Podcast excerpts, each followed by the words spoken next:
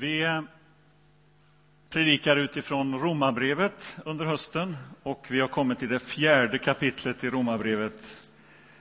Och nu ska vi läsa tillsammans det kapitlet.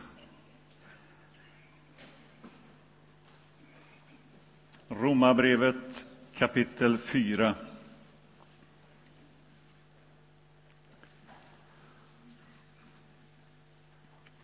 Vad innebär nu detta om vi tänker på Abraham, vår folks stamfar? Hur gick det för honom?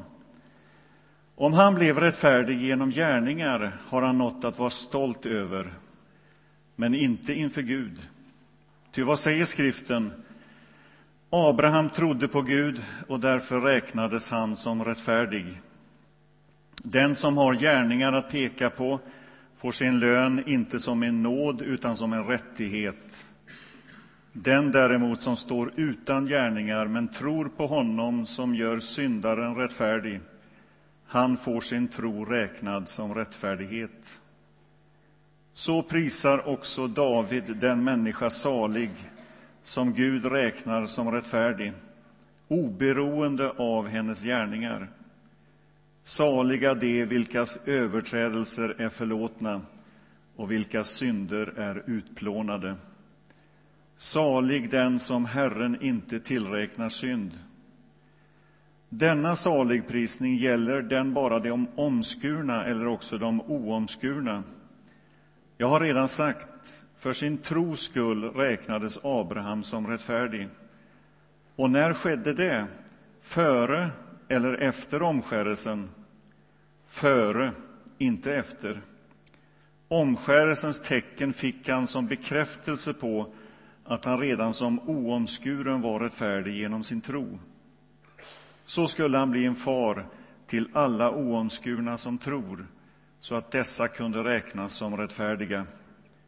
Han skulle också bli far till de omskurna, för de som inte bara är omskurna utan också följer trons väg, den som vår fader Abraham vandrade redan innan han blev omskuren. Det var inte genom lagen som Abraham eller hans efterkommande fick löftet att ärva världen, utan genom den rättfärdighet som kommer av tro. Om arvingarna är de som håller sig till lagen, då är tron tom och löftet upphävt. Ty lagen framkallar vrede, utan lag ingen överträdelse. Därför är tron grunden för att nåden ska gälla och löftet stå fast för alla hans efterkommande, inte bara för dem som håller sig till lagen, utan också dem som har tro som Abraham. Han är allas vår far, som det står skrivet. Jag har gjort dig till fader till många folk, och han är det inför den som han trodde på. Gud som ger de döda liv och talar om det som ännu inte finns, som om det redan fanns. Och där allt hopp var ute höll Abraham fast vid hoppet och trodde så att han kunde bli en far till många folk enligt ordet så talrik ska din avkomma bli. Och han sviktade inte i tron då han tänkte på att hans egen kropp var utan livskraft. Han var omkring hundra år gammal och att Saras modersköte var dött.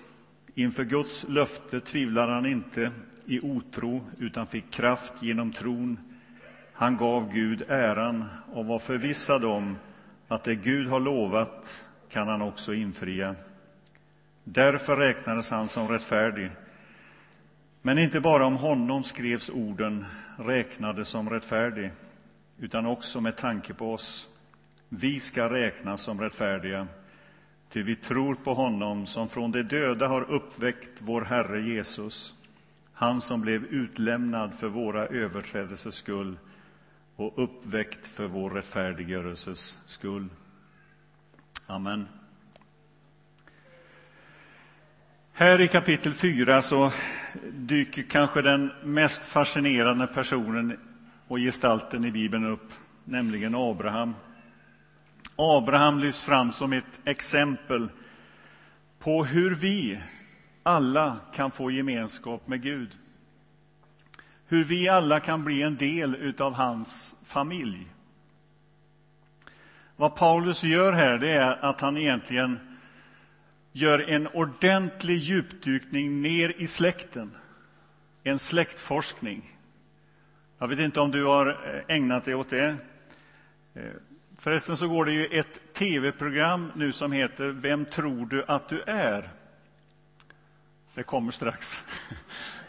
Eh, och I det programmet så är det kända personer som får hjälp att forska i, sin, i sitt ursprung, i sin släkt.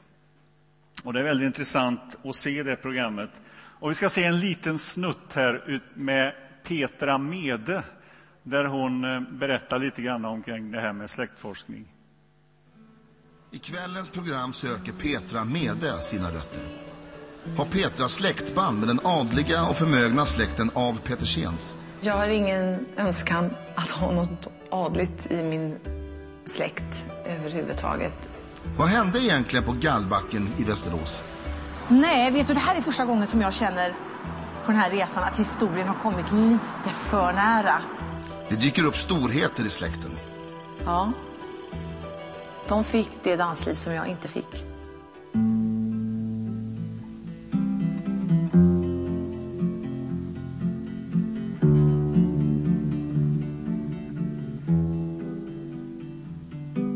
När jag skulle vara med i det här programmet så tänkte jag just på det här begreppet med familj.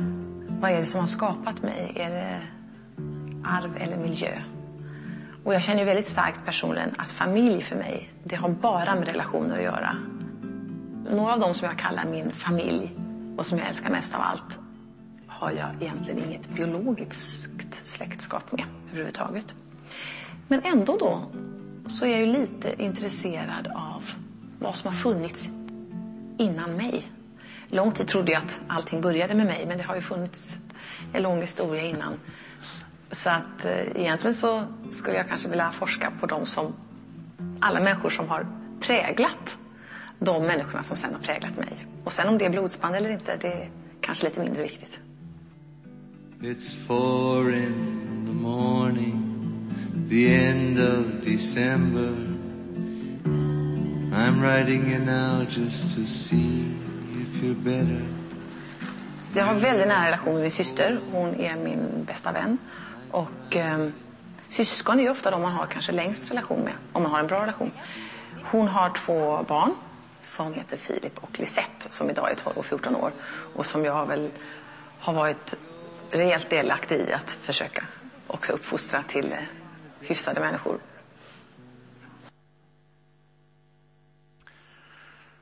Ja, nog är det kittlande att få reda på sin släkt. Eh, och eh, det var ju lite lockande ändå. Ni får gärna se på det här programmet sen. Eh, det är väldigt intressant vad hon hittar, på, eller hittar i sin släkt. Den här texten som vi har läst, Romarbrevet 4, så gör Paulus någonting som eh, innebär att han placerar oss i ett släktled ända tillbaka till Abraham. Alltså han, han knyter ihop hela historien och, och ger oss ett sammanhang, ett samband och visar på att, att eh, vi faktiskt kan få allihop ingå i den släkten som heter släkten Abrahamsson. Det är inte dåligt. Eh, och lika lika omöjligt eller svårt det var för mig att bestämma mig för om jag skulle så säga, bli en del av fagersläkten. Jag gjorde ingenting för att komma in dit, utan jag blev en del av det. Och det är jag väldigt tacksam för, naturligtvis. Och, Eh, är med på alla släktträffar och säger hurra och, och hälsar på alla och så vidare. Det, det är stort och det är fint. Men jag har ju inte gjort en ansträngning för att komma in där, utan jag föddes in i den släkten. Och precis på samma sätt resonerar Paulus, att han, Gud har gjort i ordning någonting för oss allihop. Att vi faktiskt kan bli släkt med denne Abraham och komma in i det släktled som heter välsignelsens släktled eh, och få in, ingå i det släktträd som till och med har Jesus som bror och Gud som far. Det är det som är poängen i det här kapitlet egentligen. Och genom tro får vi leva i den familjen. Och så har Paulus placerat sina läsare på den släkttavla som går ända tillbaka till Abraham. Och mitt i den tavlan står Jesus själv. Och läser du en av de här släkttavlorna, förresten så hoppa aldrig över de släkttavlorna som finns i Bibeln, de är väldigt intressanta. Och i Lukas 3 finns det en sån där släkttavla där Jesus placeras också i Abrahamssons-släkten. Ända tillbaka till Abraham. Och Jesus finns där. Och där kan du också få ingå, och jag också.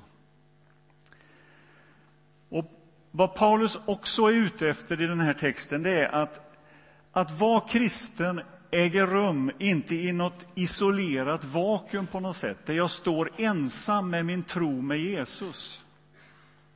Utan att jag faktiskt ingår i ett sammanhang, i en historia. Och att jag delar släktskapet med alla de andra som finns i den släkten. Och det här är en viktig utmaning till oss som många gånger, och vi lever i ett individualistiskt samhälle. Och det präglar kanske ibland också vår tro.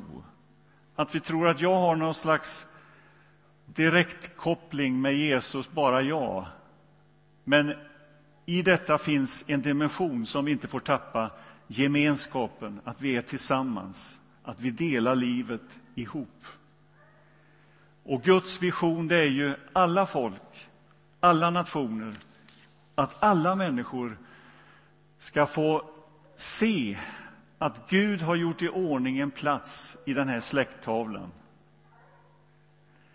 Abraham kan vi läsa om i Första Mosebok, det tolfte kapitlet. De första elva kapitlen i Första Mosebok, alltså den första boken, handlar ju om hela mänskligheten. Men från kapitel 12 så handlar det om en person, Abraham och hans familj. Första Mosebok börjar med hur Gud skapar världen. Det berättas om Adam som missförstår och misstror Gud och hur synden kommer in i världen. Och från kapitel 12 kan man säga att där beskrivs en enorm räddningsaktion som får sin utgångspunkt och sin start med denne Abraham. Han blir urfadern. Han kommer faktiskt från Ur också. Han blir urfadern för, för den som tror. Och Paulus använder den berättelsen om Abraham som en berättelse om hur vi alla kan få del av Guds välsignelse. Abraham fick budet, gå ut ur ditt land, alltså lämna ditt sammanhang där du finns. Gå ut från din släkt. Utanför släkten hade man egentligen ingen existens. Och utifrån din fars hus, alltså tryggheten. Alltså det förflutna klipps av på något sätt. Och så börjar ett nytt liv, en helt ny existens in i det som är Guds stora sammanhang där vi alla kan få en del och, och bli få en plats i. Och Egentligen så är det ju så att det förbund som Gud slöt med Abraham, för det talas om ett sånt, det syftade ju till att hantera den situation som innebar att vi levde åtskilda från Gud. Alltså det som hindrade mig från att finnas i den gemenskap som innebär gemenskap med Gud. Det som höll mig borta från det. Tack vare Guds initiativ, Guds förbund, Guds avtal så har jag möjlighet att få gå in där igen och finnas nära honom. Och att, han, att helas från den skadan, från det förflutna, från det, den synd som hindrar mig att komma in i det, det innebär att bli rättfärdiggjord. Och det är ett av de stororden som finns i Romarbrevet. Det finns ju ett antal sådana storord i Romarbrevet. Och här i kapitel 4 så möter vi åtminstone två sådana där riktiga storheter, nämligen orden rättfärdighet och tro. Och jag vill uppmuntra dig och upp, uppmana dig att verkligen tugga på de orden. Och hur tuggar man på sådana ord? Jo, sök att förstå dem. Sätt dig in i dem. Ta till dig dem, rättfärdighet och tro. Och jag ska försöka förklara lite grann utifrån de begreppen idag. Rättfärdighet handlar om position. Det handlar om att stå i en rätt relation till Gud. Den här veckan eh, i Saron så har vi varit med om någonting alldeles fantastiskt. Någonting som vi har väntat på i, i nästan tio år.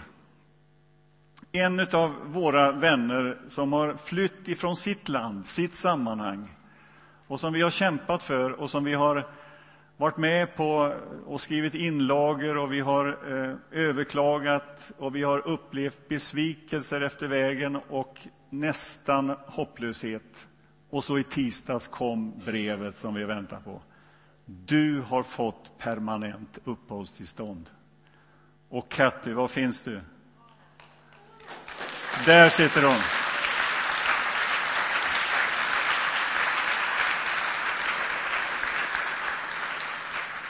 Och som vi har väntat. Och så kommer det där brevet. Och det har varit tårar och det har varit böner och det har varit längtan och arbete. Tänk om den dagen ska komma. Och så kom den, en vanlig grå tisdag. Och så blev den dagen en glädjedag. Och vi köpte tårta och vi festade tillsammans. Och tänk nu att använd den bilden, hur någon lämnar sitt land, sitt sammanhang som tvingas överge sin familj, sin släkt och bege sig till ett kallt land långt upp i norr. Och så komma hit och så få höra de orden Du har fått permanent uppehållstillstånd efter närmare tio års väntan. Och då skulle man kunna säga, om man får använda den bilden, Katty har blivit rättfärdiggjord. Och bilden här är att den bild som Paulus använder i, i Romarbrevet är att Gud har gett permanent uppehållstillstånd till oss alla. Han har skickat ett brev, bildligt talat, till oss allihop där det står du har fått permanent uppehållstillstånd nära mig, i min närhet, i min gemenskap.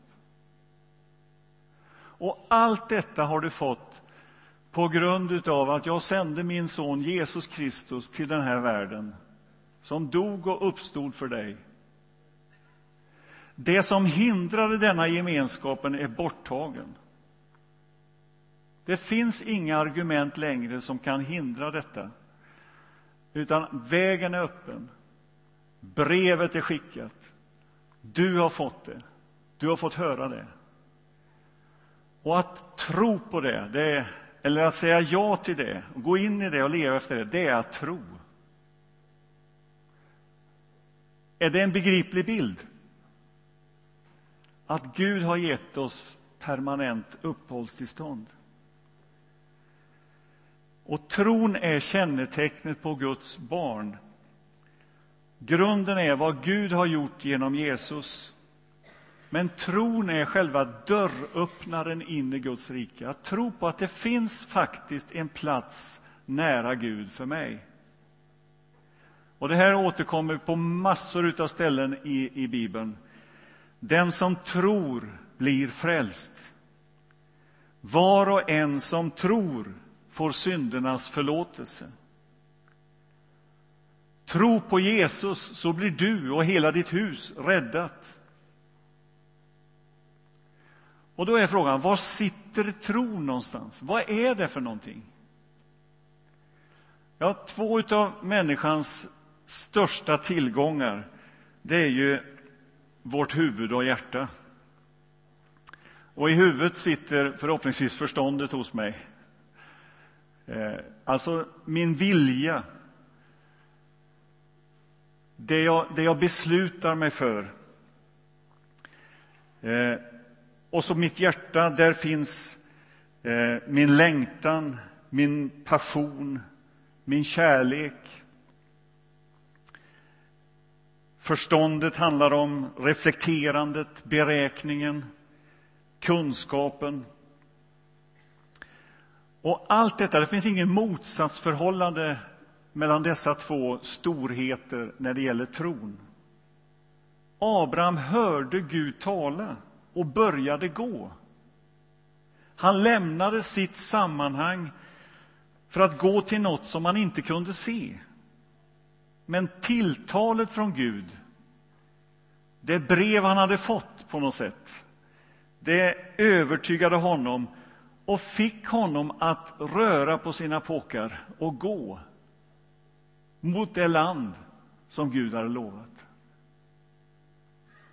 Och den bilden använder Paulus för att beskriva hur vi alla kan omsätta detta med tron i våra liv. Det handlar om att ta in det i sin kunskap, i sitt reflekterande. Vad står detta för? Men det handlar om någonting mer. Det handlar också om att resa sig upp och börja gå på den vägen. Det är tron. Hjärna och hjärta. Reflekterande kunskap, passion, kärlek, inriktning, att vilja gå den vägen. Och varför är då Abraham ett sånt lysande exempel? Varför ägnar Paulus så mycket uppmärksamhet åt Abraham mitt i detta när han beskriver om de goda nyheterna för oss? Jag ska ge några argument. För det första så är det pedagogiskt rätt att ta Abraham. Abraham var ju judarnas fader, han var hedningarnas fader. Han var eh, Jesus. Eh, alla fanns där, liksom alla kunde referera till Abraham. Och är det någonting som jag har lärt mig när det gäller församlingsarbete, om man ska göra förändringar, till exempel som vi gör nu här i kyrkan, då ska man hänvisa till pionjärernas mod, hur de byggde, vad de gjorde. För då finns det inga protester. Då är vi med. Eh, och det är precis den pedagogiska upplägget som Paulus tar här. Han tar Abraham som ett exempel. Vad gjorde Abraham som var så bra och som vi kan ta åt oss? Vad gjorde våra pionjärer när de byggde den här kyrkan? Jo, de byggde i tro. De gjorde någonting som var gott och som vi har nytta av idag. Alltså, det är en pedagogisk poäng i det som Paulus gör här i Romarbrevet 4. För det andra så är det ett, ett bra exempel i den meningen att Abraham startade utanför, alltså utan några som helst meriter för att få del av det utlovade som Gud hade sagt. Han gick till ett land han inte såg, som han aldrig hade varit i. Och det är det det måste ske. Alltså det handlar inte om min förmåga att få kontakt med Gud. Det handlar inte om min förmåga att göra mig förtjänt av välsignelser. Utan det sker utanför min inverkan. Det är också en av Paulus poäng med att ha Abraham. En tredje sak som också förstärker det, det är ju detta med omskärelsen som nämns så mycket i det här kapitlet och som ju var ett yttre tecken på att man tillhörde detta gudsfolket. Och Paulus poäng det är ju att kapitel 15 kommer före kapitel 17. Det är det han vill säga.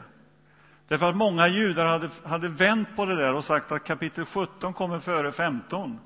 Alltså att omskärelsen var före löftet, före förbundet, före kallelsen. Och så vill Paulus bara stryka under för dem. Kom ihåg, nu fanns det ju inte kapitelindelning på den tiden, men att poängen är att Gud gjorde någonting innan Abraham blev omskuren. Det är hans poäng. Och igen så säger det till oss att jag kan aldrig liksom lägga liksom två strå till stacken på något sätt för att det ska bli bra. utan han har gjort allt. Ingen kan berömma sig. Ingen har meriter. Det är Guds verk alltihop.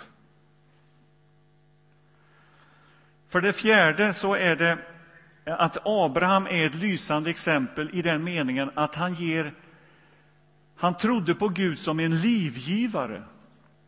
Och det var ju där som Adam hade misslyckats.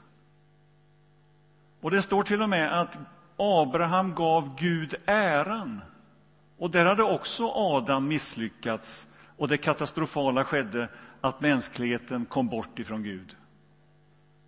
Abraham upprättar på något sätt det som Abraham gjorde fel. Han ser att Gud kan ge liv, även om alla odds är emot. Gud kan göra ett under i mitt liv. Och han gav Gud äran för det. Och där är Abraham då ett lysande exempel. Och det är en uppmaning till oss. Det är inte kört. Även om alla odds talar emot någonting så har Gud makt i våra liv, i våra sammanhang, i våra situationer, vad du än finns i, att öppna en väg, att till och med ge liv. Det är bara Gud som kan skapa. Och Abraham är ett lysande exempel på den inställning som innebär att vi ger Gud äran och att vi ser på honom som livgivare.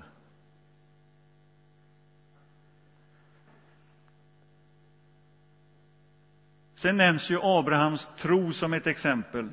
Och jag skulle vilja säga så här, Abrahams tro var ingen självklarhet. Det fanns säkert tvivlet. Och när han fick det här budet om att han skulle få en son, då var han hundra år gammal, står det här.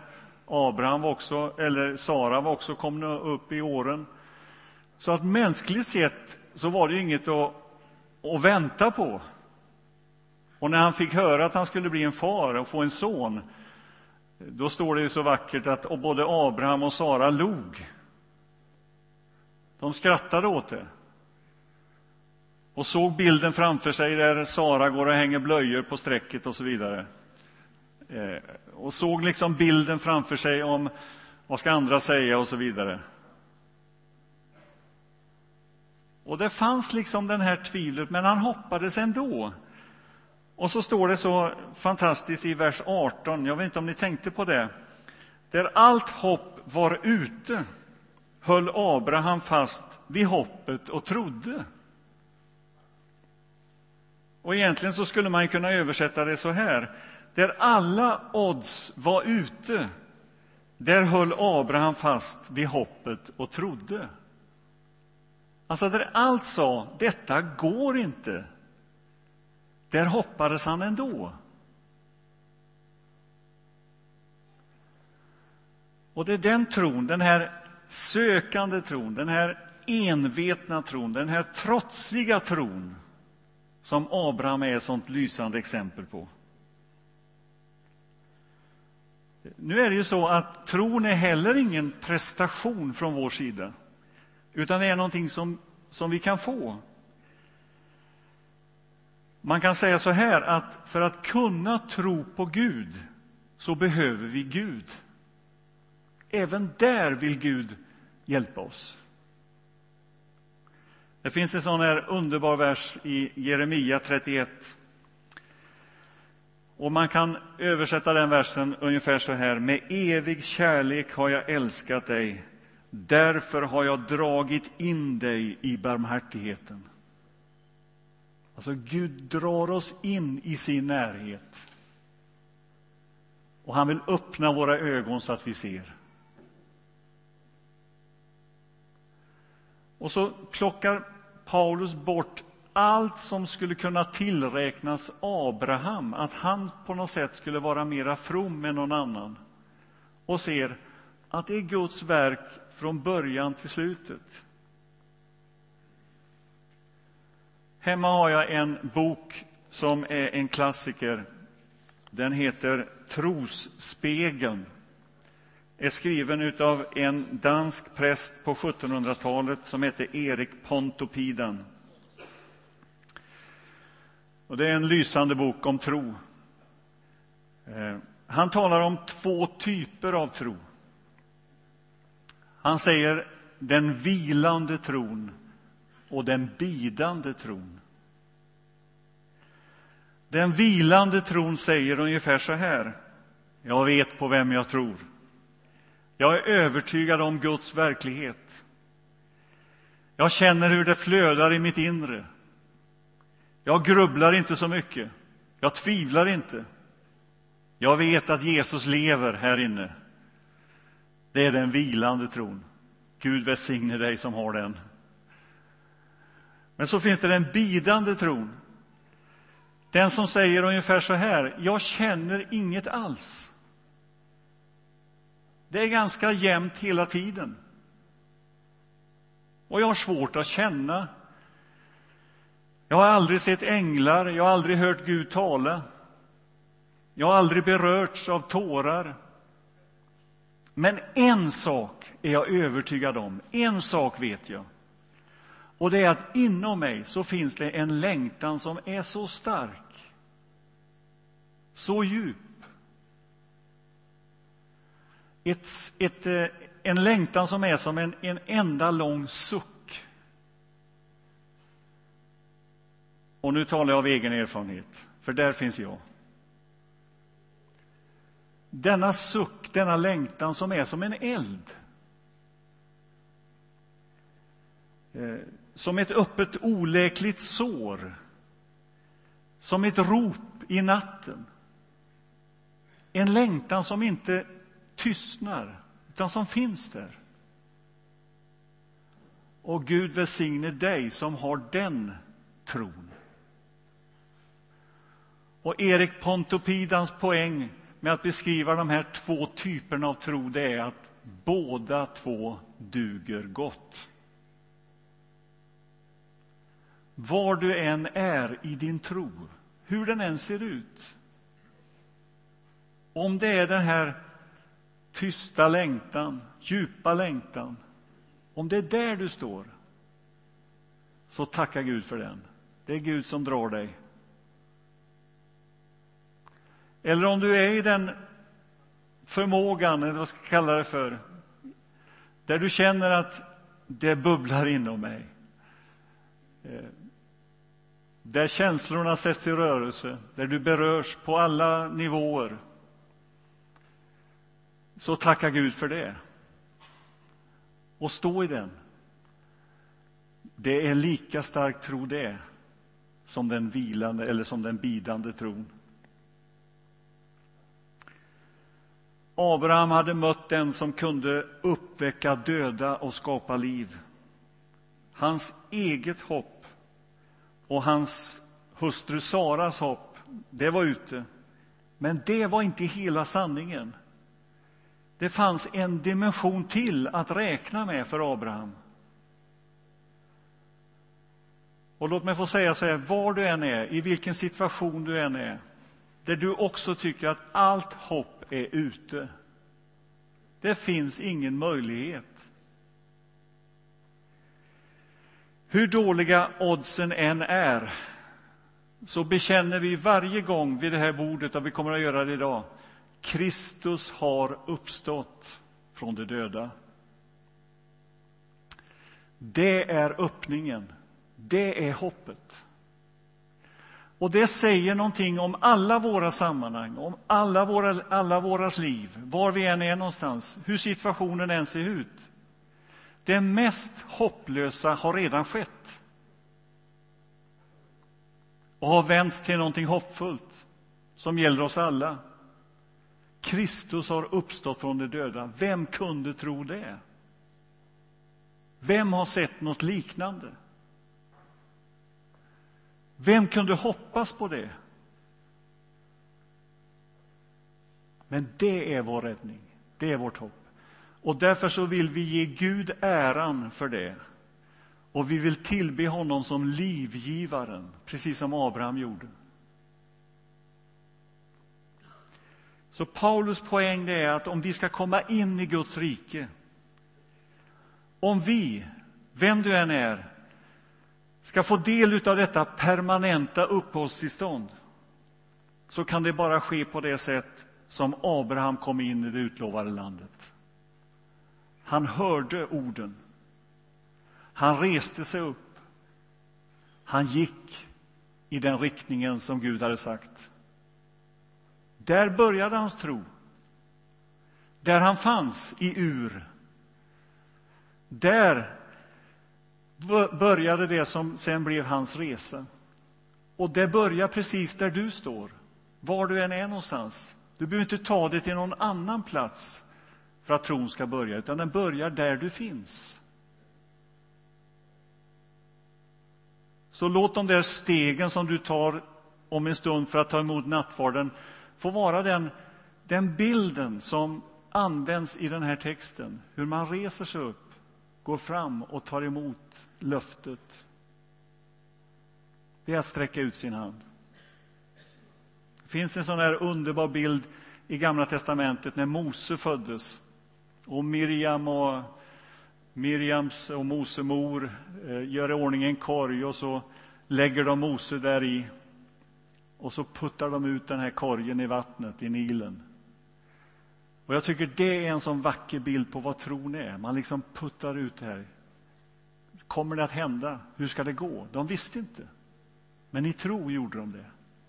Och Hebreerbrevet skriver, i tro så blev eh, eh, Mose räddad ur vattnet. Och tro det är att liksom putta fram, Gud, jag vet inte om det håller, om det bär, men här har du. Jag ger det till dig. Och så får vi ge våra liv till honom.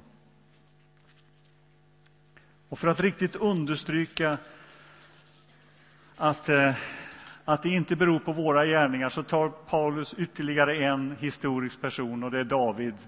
David som begick denna förfärliga synd med Batseba och hennes man. Eh, och eh, denna otrohetsaffär som målades upp och spelades upp. Eh, barnet dör, David sörjer, men han får förlåtelse och upprättelse av Gud. Han blir rättfärdiggjord. Och så använder Abraham den bilden för att beskriva hur Gud i sin stora nåd ser till oss människor. Och det var Guds stora nåd som räddade David, ingenting annat än Guds nåd. Och det är precis på samma sätt för oss. Låt mig få knyta ihop den här predikan. Vers 23 på slutet. Men inte bara om honom skrevs orden räknades som rättfärdig, utan också med tanke på oss. Vi ska räknas som rättfärdiga, ty vi tror på honom som från de döda har uppväckt vår Herre Jesus, som blev utlämnad för våra överträdelsers skull och uppväckt för vår rättfärdiggörelses skull. Det är de goda nyheterna i en värld där finns så många dåliga nyheter så är de goda nyheterna du har fått permanent uppehållstillstånd. Så vill jag avsluta med en bild på tro som har betytt så oerhört mycket för mig. Och den kommer här, tror jag. Där. Tro, bara det ordet det betyder ro bakom ett kors. Ser ni det? Ro bakom ett kors. Och ro i den meningen att jag får ta emot allt det som han ger. Jag får vila ut vid det korset. Men jag som kommer från skärgården vet att ro betyder inte bara vila. Det betyder också arbete. Och det kommer vi att ta upp nästa söndag i predikan. Därför att ro handlar också om att, att göra någonting. Det, det sätter igång våra liv. Vi måste handla, måste agera utifrån det. Så ro handlar inte bara om en, en kudde jag får och vila mitt trötta huvud på. Även om det är sant och det är riktigt. Utan det gör någonting med mitt liv. Det får konsekvenser. Och för Abraham fick det oerhörda konsekvenser. En lång tröttsam resa, lidande och prövningar. Men han gick i tron.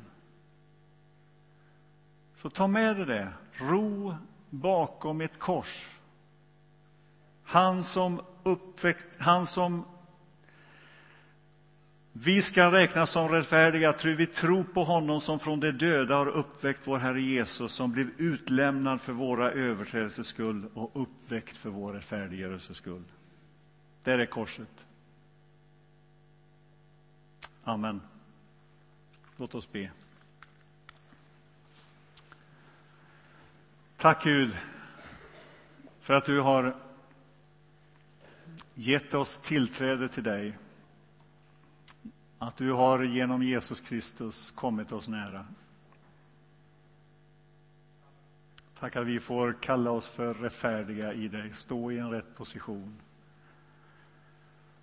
Herre, jag ber för oss alla här. Du vet var vi finns, var vi står, vad vi känner, vad vi inte känner, vad vi tänker och vad vi längtar efter. Tack att du möter oss som vi är.